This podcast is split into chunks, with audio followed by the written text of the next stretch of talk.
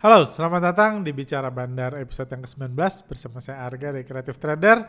Pada podcast kali ini kita bahas akan bahas tentang hal-hal hot yang terjadi di market dalam beberapa minggu terakhir, terutama setelah dua minggu lebih kami nggak buat podcast Bicara Bandar. Ada pembahasan tentunya tentang berita-berita tentang kejatuhan ekonomi global yang diprediksi akan terjadi tahun 2023. Juga kita akan bahas tentang ada Bapak Elon Musk, Bapak LKH, dan strategi-strategi terbaru mereka. Juga saya akan membahas tentang video kami yang cukup banyak membahas, yang cukup banyak direspon tentang uh, ciri-ciri saham multibagger yang ternyata nggak ada urusannya sama sekali sama analisa fundamental dan ekonomi-ekonomian seperti itu. Ternyata saham-saham busuk lah yang lebih banyak jadi saham terbaik di bursa saham dan juga uh, kita akan saya akan menjawab banyak pertanyaan yang masuk juga dan eh, hal-hal uh, menarik lainnya di market uh, sepanjang beberapa minggu terakhir ini. Oh, uh, oh. kebebasan bangga dan hukum tertinggi kita mungkin bisa nggak suka cuma ya kita nggak punya suara apa karena memang bursa ini sepenuhnya dikendalikan oleh Anda. Oke, jadi uh, tentunya tema utama kita sama seperti tema youtuber lain atau ekonom bahkan pemerintah juga adalah tentang kejatuhan uh, ekonomi yang akan jatuh tahun 2023. Uh, eh, dan kira-kira efeknya apa? Efeknya apa buat IHSG seperti itu? Apakah kita harus ngapain di IHSG? Oke, uh, kita bahas dulu kondisi IHSG saat ini. Kalau kita melihat kondisi IHSG ini uh, saat ini trennya mengalami penurunan karena sejak pertengahan September sampai saat ini trennya memang asing masih melakukan profit taking, masih melakukan penyerapan uang investor lokal. Jadi ini hal yang wajar uh, hal yang wajar uh, terjadi di mana ketika asing profit taking ya tentu IHSG akan pelan-pelan bergerak turun. Ketika lokal beli tentunya IHSG akan turun karena IHSG yang meng mengatur mengendalikan adalah investor asing. Ini eh, data hari Jumat kemarin juga kita lihat penyerapannya masih sehat. Di penutupan hari Jumat ya, IHSG turun 0,7 persen dan investor asing berhasil menyerap dana investor lokal sebanyak 1,3 triliun. Jadi ya ini masih oke okay lah gitu. Eh, investor asing tentunya cukup happy bisa menyerap 1,3 triliun dan IHSG cuma turun 0,7 persen seperti itu. Saham-saham perbankan oh, di hari Jumat kemarin jadi sasaran utama penyerapan dana investor lokal. Uh, ya, uh, seperti itu. Jadi uh, dibahas di podcast sebelumnya bahwa fungsi investor lokal adalah sebagai ganjel untuk IHSG, di mana yang meng, uh, mobilnya adalah IHSG, supirnya yang mengatur IHSG naik turun adalah investor asing, investor lokal itu adalah sebagai ganjelnya, di mana kalau asing, karena ka, kalau kalau kalau IHSG naik kan mobil dianggap mobil nanjak, karena ketika mobil nanjak terus menerus lama-lama akan habis tenaga juga investor asing ketika diakumulasi terus-terus lama-lama duitnya habis juga. Jadi nggak mungkin investor asing terus akumulasi IHSG terus bergerak naik ya pengennya sih kayak gitu. Cuma kan tentunya itu duit asing yang di ini. Kalau duit asingnya sudah habis atau sudah ini tentunya mereka butuh istirahat. Mereka butuh istirahat, mereka butuh nyaman uh, ini dan istirahat dan untuk punya tenaga untuk ngegoreng lagi ke depan mereka istirahat. Ketika ist mereka istirahat, mereka uh, itulah fungsi investor lokal menjadi ganjel mobil dia. Kita kasih uang kita ke asing, kita kasih duit kita ke investor asing. Ketika asing profit taking seperti ini, kayak ini kan. Di sini investor lokal ngasih duitnya ke Bandar BC 460 m. Di sini ke BBRI 336 m. Inilah fungsi tuan rumah yang baik di sini. Kita membiarkan investor asing profit taking di harga atas supaya mereka happy supaya mereka happy di mana ketika asing terus jualan lokal terus beli. Wajar kita nyangkut itu wajar. Investor lokal nyangkut itu wajar. Namanya juga ganjel lah jangan berharap fancy. Kalau beli ya nyangkut kayak gitu. Namanya ganjel kayak gitu. Eh, ketika asing jualan ya eh, kita fokus kita membeli. Jadi di sini penting ketahanan investor lokal. Karena kalau misalnya asing beli 5 triliun, asing beli 10 triliun, IHSG naik 10% ketika asing beli 10 triliun. Tapi ketika asing profit taking di atas ketika harga naik 10 triliun, asing profit taking 10 triliunnya balik lagi ke tangan asing dan IHSG cuma turun 3% misalnya. Ketika naik, dia ngegorengnya 10% di atas dia jualan, IHSG cuma turun 3%, asing akan bahagia. Asing akan happy, Indonesia jadi tuan rumah yang baik. Di situ kalau Indonesia jadi tuan rumah baik, mungkin-mungkin harapan kita, doa dan harapan yang nyangkut tentunya asing berbaik hati ngegoreng lagi. Ketika udah cuma turun 3% digoreng lagi 10 triliun lagi masuk lagi nih. Uh, IHSG naik lagi 10% misalnya udah itu setelah naik 10% tugas lokal lagi jadi ganjal asing profit taking 10 triliun IHSG cuma turun 3% kalau itu terjadi IHSG bisa naik terus. Nggak peduli urusan ekonomi. Ekonomi itu udah dihapus dari bursa saham sejak 2 tahun lalu itu harapannya investor lokal jadi ganjal yang baik. Tentunya bagi kan e, itu bagi investor lokal yang tugasnya menjadi tuan rumah yang baik. Kalau saya kan kurang nasionalis ya. Jadi fokusnya adalah ngikutin asing. Saya sih pengen cuannya aja gitu, nggak pengen ganjal-ganjalan. Jadi saya sih lebih prefer masuk di sini gitu. Tapi saya sangat berharap investor lokal belinya di sini jadi ganjal yang baik. Karena kalau semua ngikutin asing, asing nggak bisa akumulasi kan. Asing jual, investor lokal harus beli seperti itu. Uh, seperti itu. Jadi ininya. Dan um, uh, syukurnya baru-baru ini beberapa minggu terakhir ini uh, media sebesar Bloomberg pun terus meng, uh, apa menggenjot berita-berita positif buat IHSG supaya komentator saham jadi optimis nih karena fakta satu lagi adalah ekonomi memang sedang terpuruk. Kalau fakta ekonomi yes, ekonomi sedang terpuruk itu nggak bisa disangkal karena semua data menunjukkan masyarakat merasakan itu nggak bisa disangkal. Tapi tentunya kalau ngomong target harga, prospek dan lain-lain itu kecap-kecap yang bisa dibuat sesuai ini. Di sini eh, baru-baru ini aja uh, di Bloomberg Morgan Stanley upgrade the view of emerging market and Asian stock. Jadi emerging market di upgrade nih uh, ininya.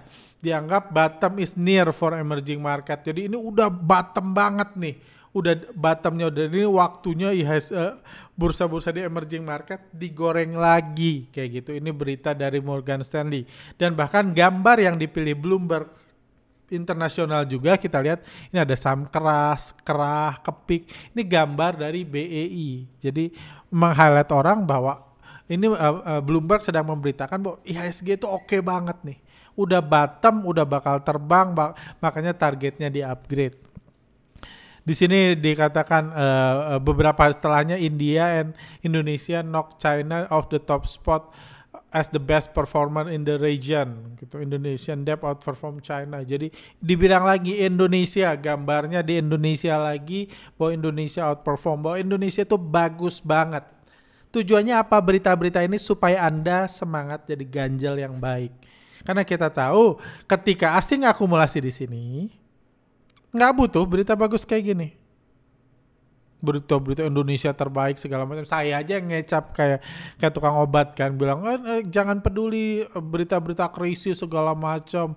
Suku bunga saya aja ngecap ketika akumulasi kan sekarang ketika karena saya sih fokusnya ngikutin asing cuma sekarang ketika asing jualan butuh berita bagus supaya anda mau beli kan karena asing lagi jualan. Jadi Bloomberg pun mengeluarkan berita-berita bagus supaya penyerapan lokal berfungsi berjalan dengan baik. Kita doakan supaya penyerapan asing, asing bisa profit taking, eh, profit sebesar-besarnya dan terutama setelah profit taking mereka balik lagi ke Indonesia goreng lagi IHSG. Itu harapannya. Jadi Overall sih untuk IHSG gitu-gitu aja sih sedang ada penyerapan. Di sini ada kunci-kunci apakah Indonesia layak disebut bursa yang baik oleh asing, apakah investor lokal adalah ganjel yang baik buat motor pergerakan IHSG buat mobilnya dan akan menyenangkan supirnya so far sih nggak banyak pembahasan tentang IHSG yang bisa kita lihat ya kita lihat aja. Selama asing jualan ya arahnya kayak gitu. Dan trennya memang masih jualan sampai sampai hari Jumat kemarin. Dan saya Senin uh, ini pun saya prediksi pak uh, asing masih bakal pro, uh, melanjutkan penyerapannya. Seperti itu. Oke itu IHSG sekarang kita bahas ekonomi ya. Ekonominya ini berita-berita seminggu terakhir. Bank Dunia uh, mengatakan dunia bisa menuju resesi global pada tahun 2023. Bank Dunia itu bukan apa ya, bukan bandar di bursa saham. Jadi statement mereka nggak ada urusannya sama bursa saham. Kayak gitu beda sama Morgan Stanley, mungkin yang punya kepentingan. Kalau mereka jualan, orang-orang butuh beli kan. Kayak gitu. Orang-orang butuh beli, tapi Bank Dunia itu ya dia bilang aja dunia menuju resesi global. Itu statement, itu data, itu fakta. Nggak usah didebat, nggak usah apa karena itu data. Uh, Pak uh, Pak Jokowi juga mengatakan makin gelap Jokowi uh, Jokowi dunia ini kini da pada posisi krisis keuangan. Semua negara dalam posisi yang tidak mudah, posisi sulit semuanya. Krisis pangan, krisis energi, krisis keuangan, krisis finansial hampir terjadi di semua negara kayak gitu. Ini berita-berita ini saya ini dulu aja beritanya. Dunia gempar IMF Bank Dunia Sri Mulyani bawa kabar buruk. Sri Mulyani dunia uh, dunia pasti resesi tahun 2023. Itu semua data-data seperti itu. Dan baru-baru uh, ini juga salah satu ini uh, Credit Suisse uh, ini uh, uh, Credit Suisse uh, di statement Credit Suisse mengatakan bahwa oh sorry, uh, Credit Suisse dalam posisi krisis dan ini banyak yang menanyakan ke kami apakah ini berdampak terhadap uh, bursa di Indonesia. Jawabannya tidak meskipun yes benar banget investor asing mengendalikan sepenuhnya ISG dan Credit Suisse pernah jadi pemain besar di Indonesia beberapa tahun yang lalu 5-6 tahun lalu. Credit Suisse itu salah satu sekuritas pemain besar di Indonesia. Tapi sejak beberapa tahun terakhir dia memang sudah keluar dari Indonesia. Jadi kita nggak usah uh, ikut-ikut khawatir lah kayak gini. Apakah akan seperti Lehman Brothers? Menurut saya tidak kayak gitu menurut saya tidak cuma ya kepanjangan lah kalau saya tunjukin data-datanya. Cuma kesimpulan saya menurut saya sih tidak. Nah, kayak gitu. Nah, ini suku bunga di Amerika yang Anda lihat pertumbuhannya memang mengerikan kalau Anda lihat pertumbuhan uh, kenaikan suku bunga yang dari 0% sekarang sampai 2,35 dan katanya ke depannya bakal jadi 4,75 kayak gitu bakal naikkan itu ya itu gambaran dari krisis ekonomi global yang sedang terjadi. Yes. Itu gambaran itu lebih cepat dari tahun-tahun sebelumnya, lebih cepat dari ini uh, 2004, 2006 dan lain-lain. Kayak gitu. Ini pertumbuhannya sangat cepat ini gambar. I, Dow Jones sendiri sebenarnya ya Ya biasa-biasa aja sih kayak gitu kalau Anda lihat garis besarnya 6 bulan terakhir memang trennya turun, kita udah sering bahas. Tapi ya sempat turun di akhir September, udah naik lagi di bulan Oktober, sekarang turun lagi ya. Masih cenderung biasa-biasa aja. Uh, eh, 6 bulan terakhir pun cuma turun 14%, masih jauh dari market crash. Ini bearish jangka pendek eh jangka menengah sih mungkin ya. Bearish jangka menengah yang sebenarnya kalau ini ini nggak mendatangkan kepanikan, tapi ya ini ya proses penyerapan lah kayak gitu. Karena proses penyerapan yang baik itu tidak mendatangkan kepanikan. Karena kalau orang panik, duitnya nggak bisa diserap. Kayak gitu. Kalau retail panik, duitnya nggak bisa diserap. Harus optimis. Anda lihat pom-pomers, influencer saham, semua dia ngomong optimisme terhadap saham-saham yang direkomendasikan fundamentalnya bagus, prospeknya bagus, PBV pairnya rendah, dan lain-lain. Semua optimisme, proyeknya banyak, harga batu bara naik, semua bahas optimisme. Karena investor retail yang optimis lah yang duitnya bisa diserap. Kayak gitu. Jadi harus cari optimisme dan itu sebenarnya kalau kalau harganya jatuh influencer lagi ARB berjilid-jilid dia nggak akan ngomong yang aneh-aneh kayak gitu.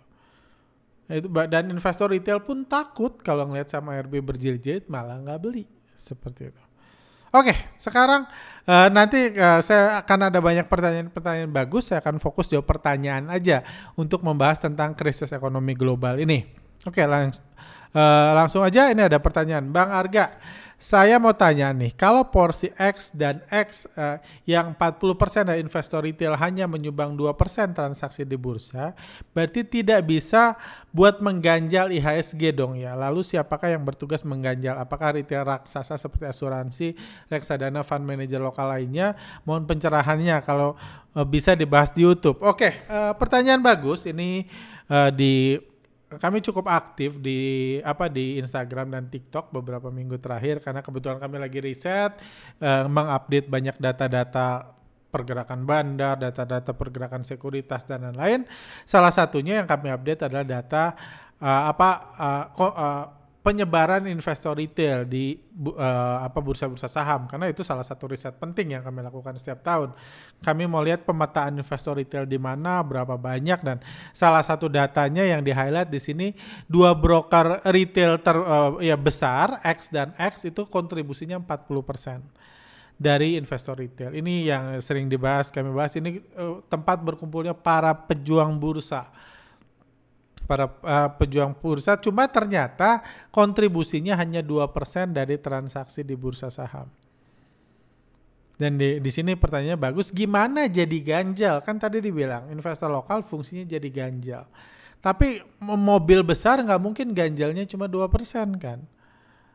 Kayak gitu. Tapi kenyataannya transaksinya cuma 2%. Oke, jadi saya bahas dulu. Yang pertama, retail itu nggak cuma di broker X dan X. Memang pahlawan bursa mayoritas di situ iya. Tapi saya sendiri transaksi saya di kedua broker ini walaupun saya punya akunnya itu nggak sampai at least saya yakin nggak sampai 10% transaksi saya pribadi di kedua broker ini mungkin kalau saya itu nggak sampai 5% dari transaksi jual beli saham yang saya lakukan dalam setahun, dalam sebulan, dalam enam bulan sama aja. Mungkin nggak sampai 5%, saya nggak tahu itu harus saya cek, tapi pasti nggak sampai 10%. Artinya 90% transaksi trading saya, investasi saya itu di luar dua broker ini. Itu fakta yang saya bisa share. Begitu juga dengan broker-broker kenamaan lainnya. Nggak usah kenamaan maksud broker-broker berpengalaman lainnya. Trader-trader yang saya ini kayak gitu, mereka itu juga trader-trader besar yang ini juga banyak yang nggak di sini. Artinya apa? Makanya transaksi 2% kan ada ada ada broker uh, uh, uh, Mirai Aset itu transaksinya jauh lebih besar jauh lebih besar ada uh, Indo Premier itu jauh lebih besar dari double X ini kedua X ini. Seperti itu. Jadi retail masih banyak di tempat lain. Bahkan saya yakin meskipun jumlah orangnya 40% dari investor retail ini dari beberapa data ya beberapa data yang kami ini tapi uh, kami cukup yakin uh, bahwa uh, kedua broker ini hanya paling kalau terhadap investor retail ya, bukan terhadap IHSG, kontribusinya itu nggak sampai 10% dari investor retail di Indonesia. Transaksi ya dari transaksi investor retail di Indonesia kontribusinya nggak sampai 10% di kedua broker ini. Jadi ini cuma cerminan dari ya anggaplah 7% dari transaksi retail dari X dan X ini. Jadi kalau Anda ngomong ganjal, ganjalnya bukan cuma mereka, banyak investor retail lain yang lebih besar di sekuritas lain ganjalnya cuma ya mereka cuma menang jumlah doang. Menang jumlah dan semangat berkorban doang kayak gitu. Bukan uh, bukan menang dari kekuatan, penyerapan terbesar bukan dari mereka. Oke, okay, kalau pertanyaannya apakah uh, retail raksasa, uh, retail raksasa, oh asuransi itu nggak dianggap retail. Tentunya retail itu harus individual. Asuransi itu institusi atau ya kalau ngomong uh, di peraturan uh, ini ya apa kategori yang dikasih bursa ini. Cuma ya kalau asuransi lokal, reksadana fund manager, apakah dia juga bertugas jadi ganjal? Yes, mereka juga bertugas jadi ganjal. Kayak gitu. Makanya pernah ada tahun-tahun di mana uh, saya lupa sampai 2019 kalau nggak salah dari 2016 sampai 2019 itu mayoritas reksadana raksasa kayak gitu uh, kinerjanya cenderung nol. Reksadana terbesar. Ada yang nol ada yang minus dalam 2-3 tahun. Saya lupa periodenya sekitar 3 tahun 2016 sampai 2019 kalau nggak salah sebelum pandemik yang pasti. Kinerjanya cenderung negatif Kenapa? Kinerja negatif sederhana. Karena investor asing terus jualan dan jualannya ya salah satunya yang nyerap mereka. Jadi mereka juga dibutuhkan untuk jadi tuan rumah yang baik bahkan kan uang uang reksadana asuransi ini kan uang retail juga nggak apa-apa lah dong kayak gitu apa bedanya gitu bagi bandar kan sama-sama uang retail kayak gitu jadi mereka juga punya peran yang baik untuk pertumbuhan IHSG uh, pertumbuhan IHSG dan menjadi ganjal yang baik. Oke, lanjut. Bang, sekarang yang bilang ekonomi akan jatuh bukan lagi dari dukun saham seperti di awal tahun. Sekarang yang bahas kejatuhan ekonomi Pak Jokowi, Ibu Sri Mulyani, dan Pak Luhut. Apakah abang masih yakin kalau ekonomi akan baik-baik saja ke depannya? Pertanyaan bagus, tapi satu, saya nggak pernah bilang ekonomi akan baik-baik saja ke depannya. Kita kita bahas relate aja untuk kondisi saat ini 2023 kuartal 3 saya nggak pernah bilang akan baik-baik saja. Kayak gitu. Kenapa? Karena yang saya bilang ada IHSG nggak ada hubungannya. Makanya saya nggak khawatir dengan ekonomi mau global ini karena nggak ada hubungannya. Sama kayak sekarang lagi banjir, di banyak kota, saya nggak khawatir sebagai trader saham, banjir di banyak kota akan membuat IHSG akan jatuh. Akan membuat saya jadi nyangkut semua, market akan crash. Karena nggak ada hubungannya. Saya nggak bilang, saya nggak khawatir akan banjir. Nggak ada urusannya sama bursa saham. Begitu juga dengan ekonomi, nggak ada urusannya sama bursa saham. Itu satu. Jadi saya nggak pernah bahas ekonomi akan baik-baik aja. Karena yang saya bahas di sini IHSG banjir. Kalau saya kalau tapi kalau Anda tanya, apakah saya khawatir akan kondisi ekonomi ke depan? Kalau ngomong kan saya juga bagian dari ekonomi kan. Saya juga beli bensin yang harganya naik kayak juga gitu kan. Saya juga beli makan dan lain-lain. Saya bagian dari ekonomi juga. Apakah menurut saya ekonomi ke depannya akan baik-baik saja? Itu yang jadi pertanyaan lebih menarik daripada kondisi ESG. Kan ESG nggak ada ngefek kayak gitu. Uh, uh, dan saya setuju, saya yakin Pak Jokowi, Ibu Sri Mulyani, Pak Luhut itu mengatakan data yang benar. Karena based on data, saya yakin akan terjadi resesi global tahun 2022. Kita bahas itu dulu ya. Saya yakin uh, resesi di banyak negara. Tapi kalau Anda ngomong resesi global, tahun 2021 juga ada resesi global. Jadi itu itu bukan sesuatu yang apa ya? uh, sesuatu yang big deal lagi lah untuk sekarang. Cuma beda penyebabnya aja kan. Tapi resesi resesi. Karena ngomong IHSG bahkan IHSG terbang. Bursa dunia terbang di resesi sebelumnya.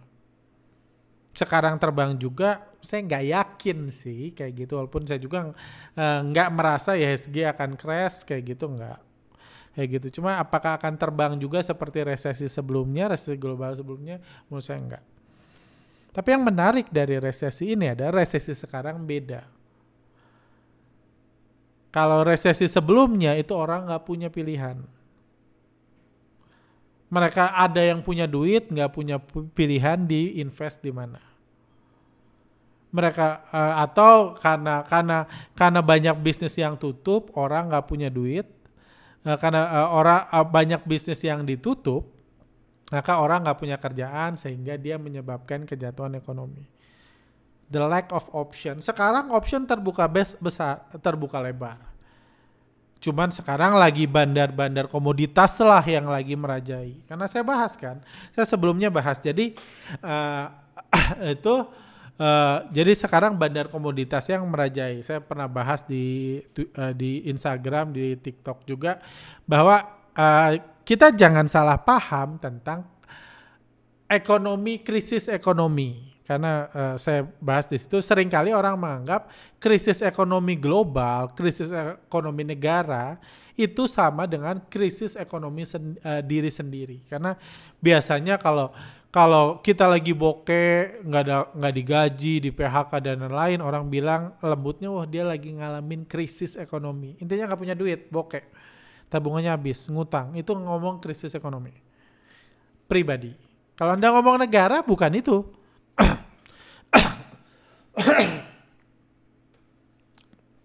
nggak sedang mengatakan krisis ekonomi di Indonesia, sedang mengatakan Indonesia nggak punya duit. Emang duit emang duit rupiah yang ada sekarang di mana?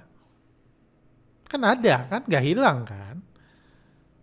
Kalau Anda nggak punya duit, karena duit Anda dipakai beli yang orang, dikasih ke orang lain. Kalau duit rupiah kan masih ada. Jadi beda krisisnya. Duit hanya berputar. Yes, sekarang saya tahu ada beberapa teman pengusaha yang lagi krisis. Tapi saya juga kenal banyak teman-teman pengusaha saya yang lagi lagi panen duit sekarang. Lagi uh, uh, lagi apa? Lagi kebanjiran berkat lah kalau istilah. Wah, lagi wah, lagi uh, banyak saya kenal. Atau ketemu orang-orang yang jabatannya naik kalau di kantoran, gajinya saya yakin akan naik dan lain banyak juga. Jadi kalau Anda pribadi, sebenarnya fokusnya bukan resesi. Kalau kalau ngomong pribadi ya, sebenarnya fokusnya bukan itu. Fokusnya Anda lihat ke tabungan Anda nih. Setiap bulan nambah atau kurang. Anda lihat aset Anda nih, nilai aset Anda setiap bulan nambah atau kurang. Karena kembali lagi, uang cuma berputar. Dari satu tangan ke tangan lain. Cuma berputar. Kalau Anda yang kebagian nambah uangnya setiap bulan, asetnya nambah, setiap bulan nilai aset atau jumlah asetnya nambah tiap bulan, berarti Anda yang kebagian putaran tersebut. Aliran masuknya ke Anda salah satunya. Yes, ada orang lain yang alirannya yang kebagian, wah gue setiap bulan berkurang. Gue itu, yes, mereka ada cerminan dari krisis yang yang kebagian kurang. Ada yang kebagian nambah. Bagi yang berkurang ya kita prihatin, tapi yang bagi yang bertambah ya kita bersyukur kalau Anda bertambah. Karena Anda bukan Kementerian Keuangan ngomong resesi, depresi, atau apa, nggak ngefek buat Anda hidup Anda. Anda lihat aja. Dan kalau Anda kebagian yang berkurang, yang duitnya berkurang dari bulan ke bulan, berkurang ya. Kalau ngomong habis gajian, habis akhir bulan itu biasa. Mau resesi apa pun sama kan. Cuma overall uang tabungan Anda bertambah atau berkurang dari akhir bulan ke akhir bulan dalam periode yang sama, waktu yang sama itu aja. Anda yang berkurang mau di mau resesi global, mau pertumbuhan ekonomi global, kalau duit Anda berkurang ya Anda krisis, itu yang harus Anda urus. Itu yang Anda harus cari solusinya seperti itu. Seperti itu. Jadi itu pertama, jadi Anda jangan salah tangkap tentang arti dari resesi seperti itu. Sebentar, kok salah ya? Jadi uh, uh, efek terhadap IHSG nggak ada, yes, semua udah tahu nggak ada efeknya. Cuma efek uh, kalau saya nggak bilang eh, dunia nggak akan resesi, cuma itu nggak nyambung sama kayak musim banjir nggak nyambung sama IHSG. Oke, lanjut. Pemerintah di seluruh dunia bilang kalau resesi tahun depan sudah hampir pasti sebagai investor saham persiapan apa yang perlu kita lakukan di tahun 2023. Kalau ngomong investor saham di investor saham itu kan manusia ya gitu. Kalau kalau Anda tanya dalam trading atau dalam berinvestasi, hal apa yang perlu Anda lakukan? Jawabannya uh, nggak banyak ya, nggak beda sih, karena nggak ngefek kan. Nggak beda yang Anda lakukan ya waspada. Kalau Anda mau ngikutin asing, ya waspada kalau asing jualan ya waktunya Anda keluar. Kayak gitu. Kalau Anda uh, uh, dari kubu yang membahagiakan asing ya kalau asing lagi profit taking, beli harga saham asing setinggi mungkin biar asingnya sehappy mungkin, biar kita jadi tuan rumah yang baik. Mau resesi mau enggak sama aja. Kalau Anda ngomong resesi. Kayak gitu. kalau dalam jangka pendek ya. Kalau jang, dalam jangka menengah misalnya, kalau Anda ngomong buat 2023 dan lain-lain, uh, yang saya biasa lakukan, saya nggak ngomong itu tepat buat semua orang, cuma yang biasa saya lakukan, kalau memang intinya sama kayak kerusuhan di sepak bola yang mengundang banyak korban adalah kalau kondisi lagi panas itu gampang dibuat rusuh. Kerusuhan jadi mudah menyala, tapi kerusuhan saya nggak saya nggak lagi relate ke pertandingan sepak bola itu ya selesai ini. Cuman intinya kalau kondisi lagi panas, orang gampang emosi, gampang takut, gampang panik, gampang berbuat hal-hal yang gila. Kalau Anda ngomong krisis ekonomi yang terjadi 2023, kalau itu terjadi benar-benar separah itu, orang akan panas. Orang e, secara ini ya, bukan secara bursa saham ya karena saya saya cukup yakin bursa saham nggak akan digoreng secara luar biasa seperti resesi global kemarin. Karena sekarang orang banyak opsi. Kalau dulu nggak punya opsi, makanya duitnya dibeliin saham. Kalau sekarang kan banyak opsi. Kayak gitu. Di dal dalam kondisi panas, uh, sangat mudah membuat kericuhan. Misalnya asing banting sedikit 2-3 triliun langsung gap down. IHSG langsung jatuh, langsung panik, langsung disambut semua komentator saham mengeluarkan berita resesi, depresi, prospek mengerikan, inflasi segala macam.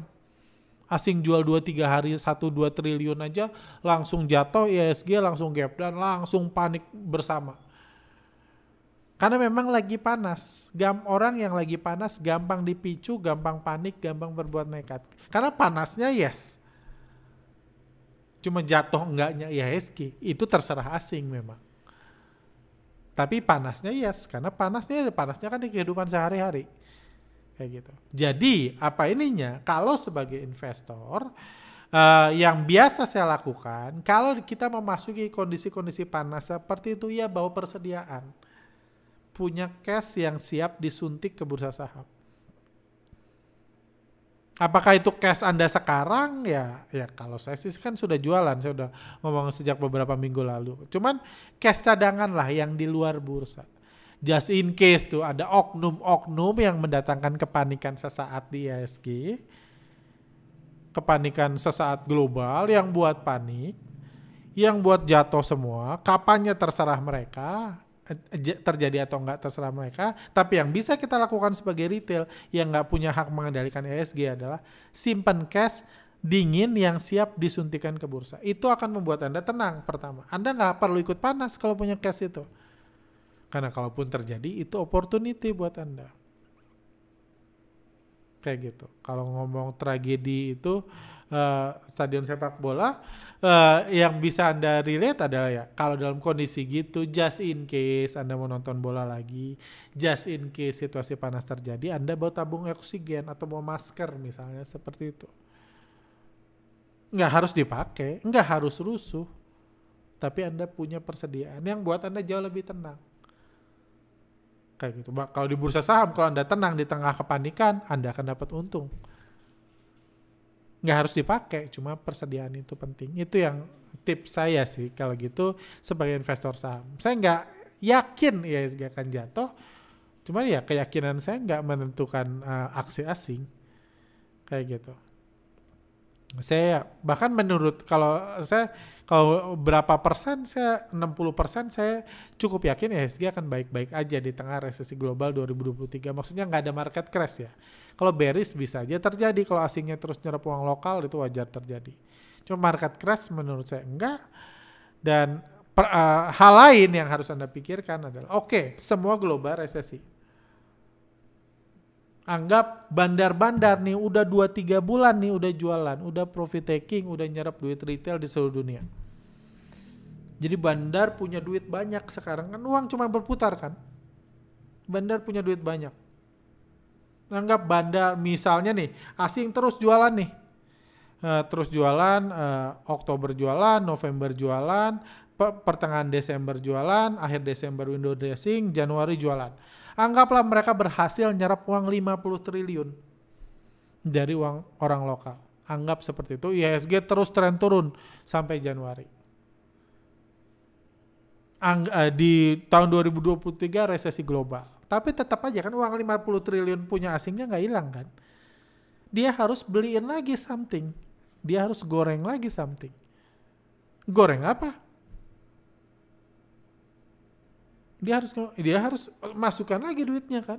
Kan duit 50 triliun nggak bisa dipakai. Wah senang-senang gue makan-makan. Berapa banyak yang mau dimakan. Kayak gitu. Jadi tetap aja harus disuntikan lagi. Dan ini lagi ngomong pilihan. Kalau Anda udah duit kan dia bebas. Ya gue nggak harus goreng di Indonesia. Gue bisa goreng di Amerika silahkan. Goreng di Inggris silahkan. Tapi kalau Anda ngomong, uh, kalau Anda tipe-tipe orang yang percaya asing ngegoreng karena ini, uh, uh, asing ngegoreng karena ekonominya bagus, Indonesia ekonominya akan lebih bagus dari banyak negara lain. Jadi uang yang udah di tangan itu bisa dimasukin lagi ke Indonesia. Apalagi kalau rakyat Indonesia menjalankan perannya menjadi tuan rumah yang baik, membuat asing profit besar-besaran. Seperti itu. Oke. Jadi menurut saya ya akan baik-baik aja sih kayak gitu. Kalau IHSG ya, kalau ekonomi ya kemungkinan akan berat. pembelajaran minggu ini ini menarik uh, Elon Musk uh, kembali mengatakan mau beli Twitter. Uh, jadi dia mau mau beli lagi Twitter setelah dulu ngomong mau beli terus batal beli sekarang mau beli lagi. Dan kena di di Instagram kami bahas ini alasan Elon Musk beli Twitter karena Twitter adalah perusahaan rugi. Saya sering bilang uh, uh, Elon Musk ini adalah bapak pom pom dunia atau founding fathernya busuk investing kan atau B investing lah ke depannya kita ngomong B investing. Uh, kayak gitu. Jadi uh, Twitter ini perusahaan yang rugi anda lihat ini rugi 67 juta dolar, 164 dolar juta dolar, 179 juta dolar. Jadi overall dia perusahaan yang hampir selalu rugi. Jadi ini masuk kecenderungan uh, ini. Jadi kalau Anda ngomong di sini, kalau pembelajaran di sini adalah Elon Musk itu fokusnya bukan cari perusahaan yang untung. Udah mirip sama Pak LKH. Karena keuntungan kerugian itu cuma implikasinya cuma dividen udah mirip sama Pak LKH yang nggak yang nggak fokus lagi terhadap dividen. Fokusnya adalah hype-nya aja. Twitter kan tempat uh, uh, uh, apa orang-orang rimba, rimba belantaranya ini kayak teman saya salah satu. Ini ngomongnya rimba belantara gitu salah satu uh, uh, ini influencer terkenal dia bilang rimba belantaranya bursa saham. Orang nyampah di situ, debat di situ, viral di situ dan lain-lain di Twitter. Jadi kalau Elon Musk bisa mengkonversi orang-orang itu jadi pahlawan bursa, dia bisa untung besar. Dari jualan, dari uh, aksi di dia saham Twitter. Bukan Twitter sebagai untung sebagai perusahaan. Makanya saya bilang, fundamental itu ya sudah lama sekali nggak digunakan di bursa saham. Seperti itu. Dan itu juga ya, cuma itu sebabnya uh, kita belum pernah tuh lihat uh, buku kunci sukses Elon Musk di bursa saham. Walaupun dia lebih kayak dari Warren Buffett semua karena dia nggak bergerak dia nggak peduli sama fundamental fundamentalan seperti itu. Fundamental bagi dia beda. Karena fundamental zaman dulu itu fokusnya cari dividen. Sekarang orang nggak peduli dividen. Sekarang pedulinya gimana bisa digoreng gimana asetnya menarik. Itu sebabnya saham konsumer kehilangan banyak peminat. Karena dia fokusnya nyari duit bukan buat viral Oke, kita baca lagi komen-komen. Warren Buffett berawal dari seorang investor, sampai sekarang tetap investor. Sedangkan Elon Musk kan memang dari awal pengusaha. Kalau saya uh, kalau saya dari awal investor, masa iya belajar dari Elon Musk?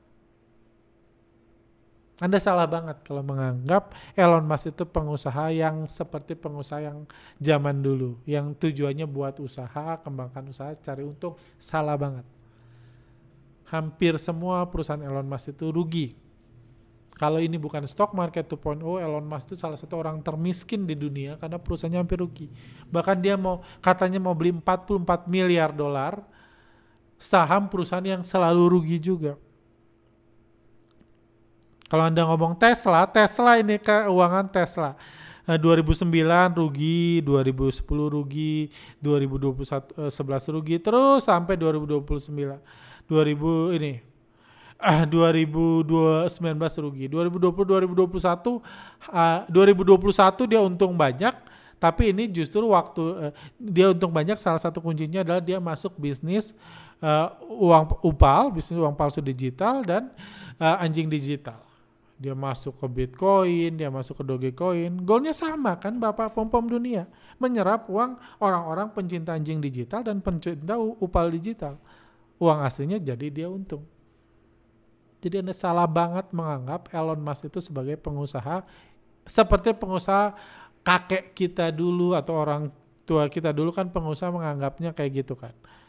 Elon Musk itu goalnya fokusnya mempom-pom. Makanya kalau saya di Amerika punya data-data, saya akan belajar banyak banget dari Elon Musk.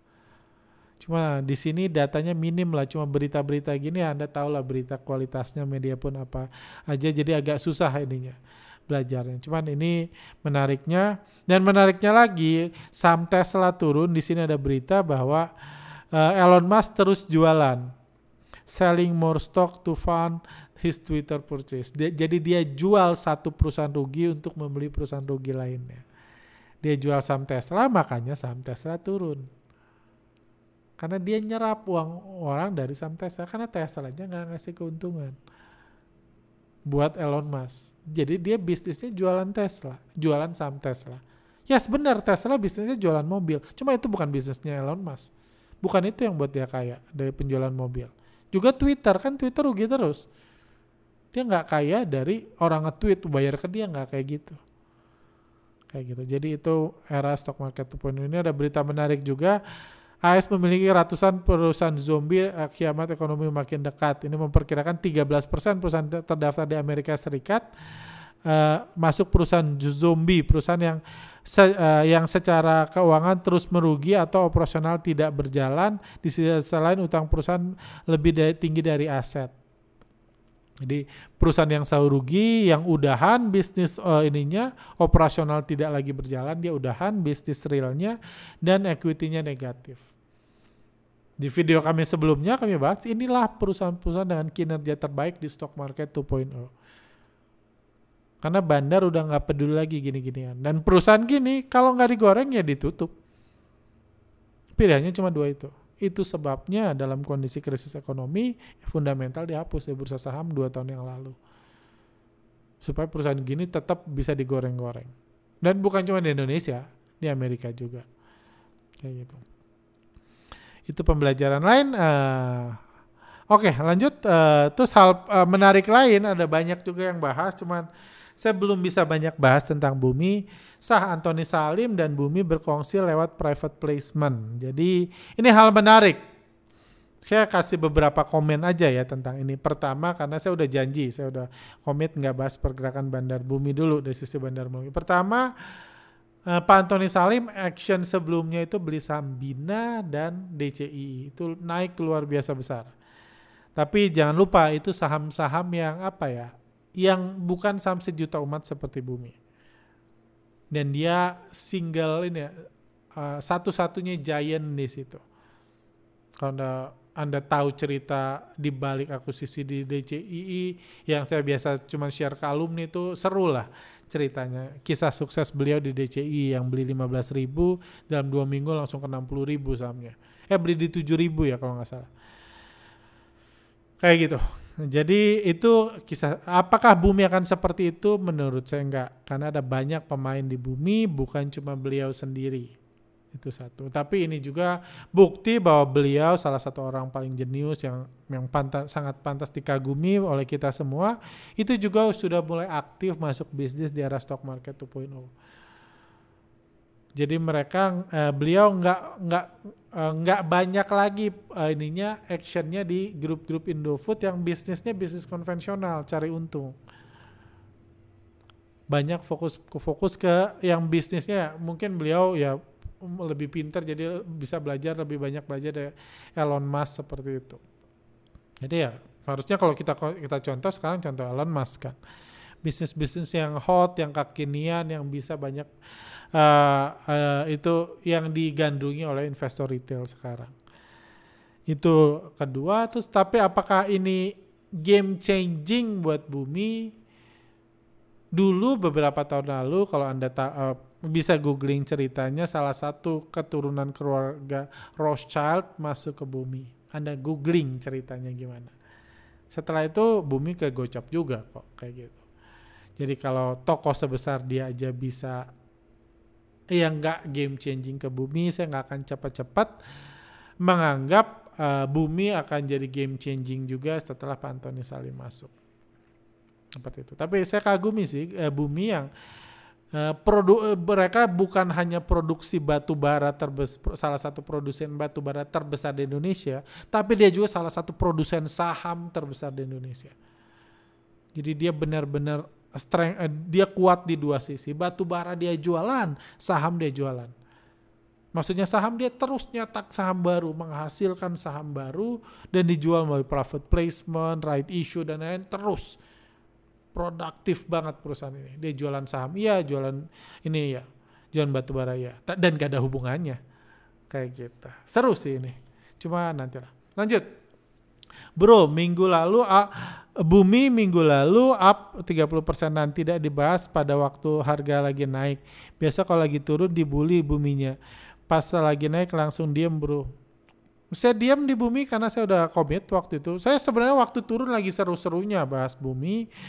Karena menurut saya ini menarik pengorbanan uh, retail sudah mulai melemah dan uh, uh, apa kemampuan retail untuk beli sudah mulai melemah dan sangat berpotensi naik lagi makanya kami bahas terus di BBM. Cuma karena udah keseringan saya lupa di akhir September intinya ya. Ya di akhir menjelang akhir September saya komit nggak akan bahas bumi dulu untuk jangka waktu cukup lama dan saya nggak bisa juga bahas sekarang. Tapi kalau anda jeli, kami sharing di IG ketika kami masuk lagi di bumi. Kalau anda jeli, eh di Telegram. Cuma kalau nggak jeli nggak apa-apa. It's okay. Uh, lanjut. Kemampuan uh, ke mana Bapak LKH berlabuh ini juga seru. Kami buat survei setelah uh, setelah uh, Pak LKH jualan PTRO berarti dia resmi dia MBSS sudah jual PTRO uh, udah jual berarti resmi Pak LKH nggak lagi berkolaborasi sama grupnya in, Indi karena MBSS dan PTRO udah dijual. Kami buat survei di Telegram uh, tentang kira-kira Pak LKH masuk ke mana nih. Ke depannya akan collab dengan grup mana. Sejauh ini dia sangat fokus, sangat berkomitmen collab di grup MNC Group. Pernah dia uh, ada kisah sukses beliau juga. Ada uh, kisah indah collab dengan Sinarbas Group. May, uh, seru lucunya mayoritas menganggap beliau collab dengan Bakri Group itu pilihan. Kan seru kan kalau Pak LKH bilang ini saham menarik secara value investing, prospeknya bagus, bisnisnya banyak, dan lain. Kalau rugi kan PR-nya rendah dan lain-lain ini menarik sih. Seperti itu. Cuman ada juga masukan yang masuk grup salah satu konglomerasi di Surabaya, karena Pak LKH juga terlihat cukup aktif di uh, uh, apa ya, uh, eh berhubungan baik lah dengan pemiliknya itu menarik ya. Saya juga penasaran sih ke depannya gimana karena kemungkinan mereka, eh, beliau akan beli uh, ikut di kisah sukses. Ini kalau besoknya bakal terbang, hari ini beliau bakal borong sahamnya dalam jumlah besar. Tinggal yang mana aja seperti itu dan uh, ya itu menarik sih kayak gitu. Dan uh, menurut saya dengan masuknya Pak Antoni Salim ke Bakri Group, saya rasa nggak butuh lagi tuh peran ini peran Bapak LKH sebagai salah satu influencer uh, salah yang masuk di Sambumi.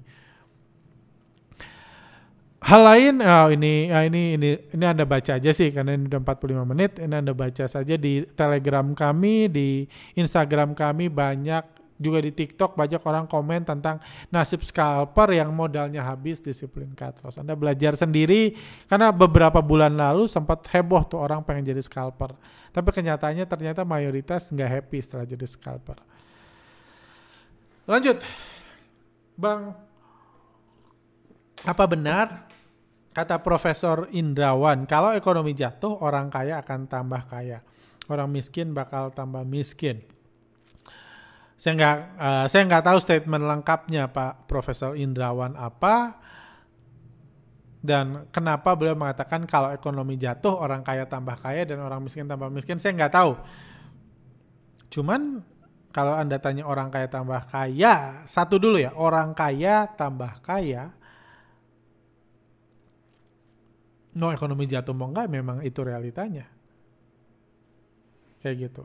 Mau mau anda bilang itu kapitalis nggak sosialis juga orang kaya tambah kaya kok. Uh, sosialis atau apa pun orang kaya. Kenapa? Karena uh, orang kaya itu kalau saya bi bisa ngasih analogi uh, misalnya nih anda uh, anda uh, lari ya. Orang kaya itu anggaplah orang yang punya kemampuan terlatih untuk berlari maraton dia punya skill, punya fisik, latihan, punya pengalaman segala macam dalam hal berlari maraton. Di compare sama saya yang lari sekilo aja udah habis tenaga kayak gitu ya. Terus kita Anda bertanya, benar nggak kalau hujan pelari jarak eh, misalnya saya sama dia startnya samaan nih.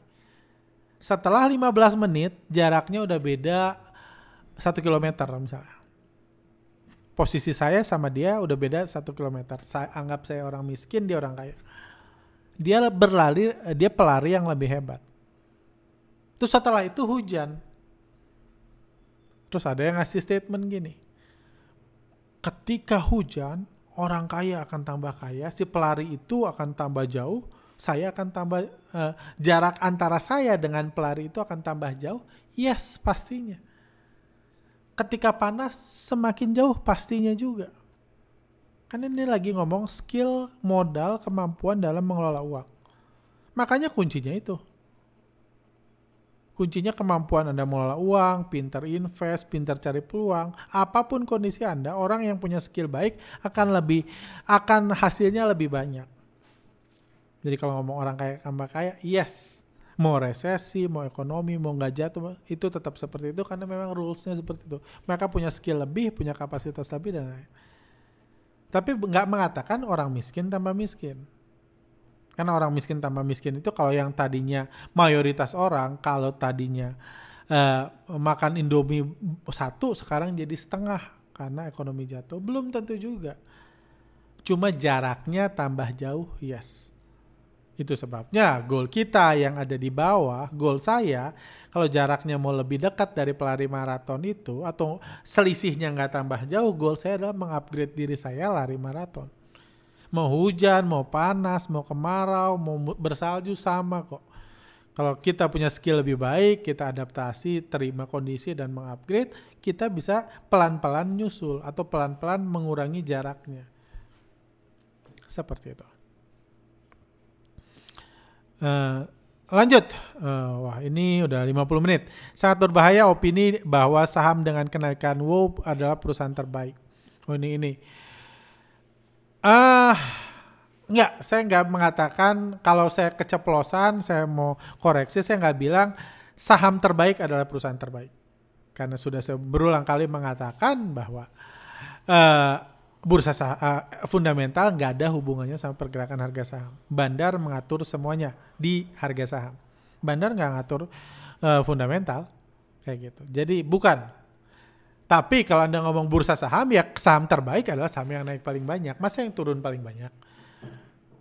Masa yang tidur? Ya enggak lah. Kan ngomong bursa saham poinnya adalah beli di bawah jual di atas. Semua jual poinnya gitu.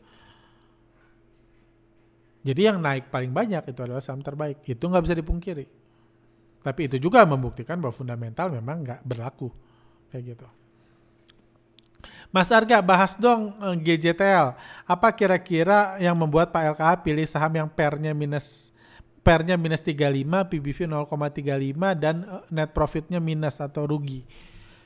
Kan ini udah sesuai kan? Stock market 2.0, uh, ah sorry stock market 2.0.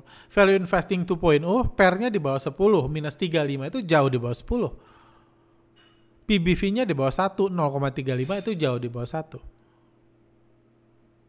Jadi ya udah sesuai kriteria sih. Anda eh, pelajari sendiri sih kalau teman-teman fundamental silahkan pelajari. Tapi menurut saya udah sesuai kriteria beliau sih per minus 35 ini. Bahkan kalau suatu hari nanti minggu depan, bulan depan saham ini digoreng, naik dua kali lipat pernya jadi 7, minus 70. Bisa semakin jauh di bawah 10. Jadi udah sesuai kriteria sih, nggak usah dibahas lagi. Lanjut. Kalau belajar uh, kalau belajar yang benar analisa fundamental itu luas nggak cuma per. Kalau nggak ngerti bening nggak usah ngomong jadi anak jangan malu-maluin orang tua.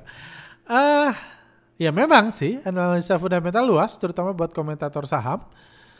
Eh, nggak uh, cuma PER dan PBV, iya sih. Dan dan tapi intinya kan poinnya cuma satu kan saya nggak bilang uh, fundamental cuma PER dan PBV, tapi poinnya cuma satu harga saham hanya akan naik kalau digoreng bandarnya. Ketika bandarnya digoreng karena fundamental luas, fundamentalis bebas cari alasan pernya negatif, PBV-nya negatif, dianggap itu nggak bagus, dibilang prospeknya cerah, dibilang bisnisnya banyak, dibilang valuasinya murah, bebas, karena goalnya memang cuma jadi komentator saham. Anda bisa nonton tim sepak bola, ketika tim sepak bola jelek menang, komentator saham punya alasan kok. Kenapa dia menang? Karena dia pengetahuannya luas, cari aja alasannya. Sama kok nggak sama itu uh, kemampuannya. Jadi eh, itu aja sih. Memang luas, makanya bisa dipas-pasin. Tapi kalau ngomong per PBV ini saya lagi saya lagi bahas perfectly value investing yang memang fokusnya cari saham seperti itu. banyak fundamental lain fundamental kan mayoritas buat komentator buat nyari-nyari bumbu-bumbunya memang apa pun kondisinya akan selalu ada alasannya fundamental itu buat jangka panjang nggak bisa cuma satu kuartal jadi dengan menunjukkan saham terbaik dalam tiga bulan sudah menunjuk sudah menunjukkan anda tidak mengerti hal paling mendasar tentang analisa fundamental nah oke okay.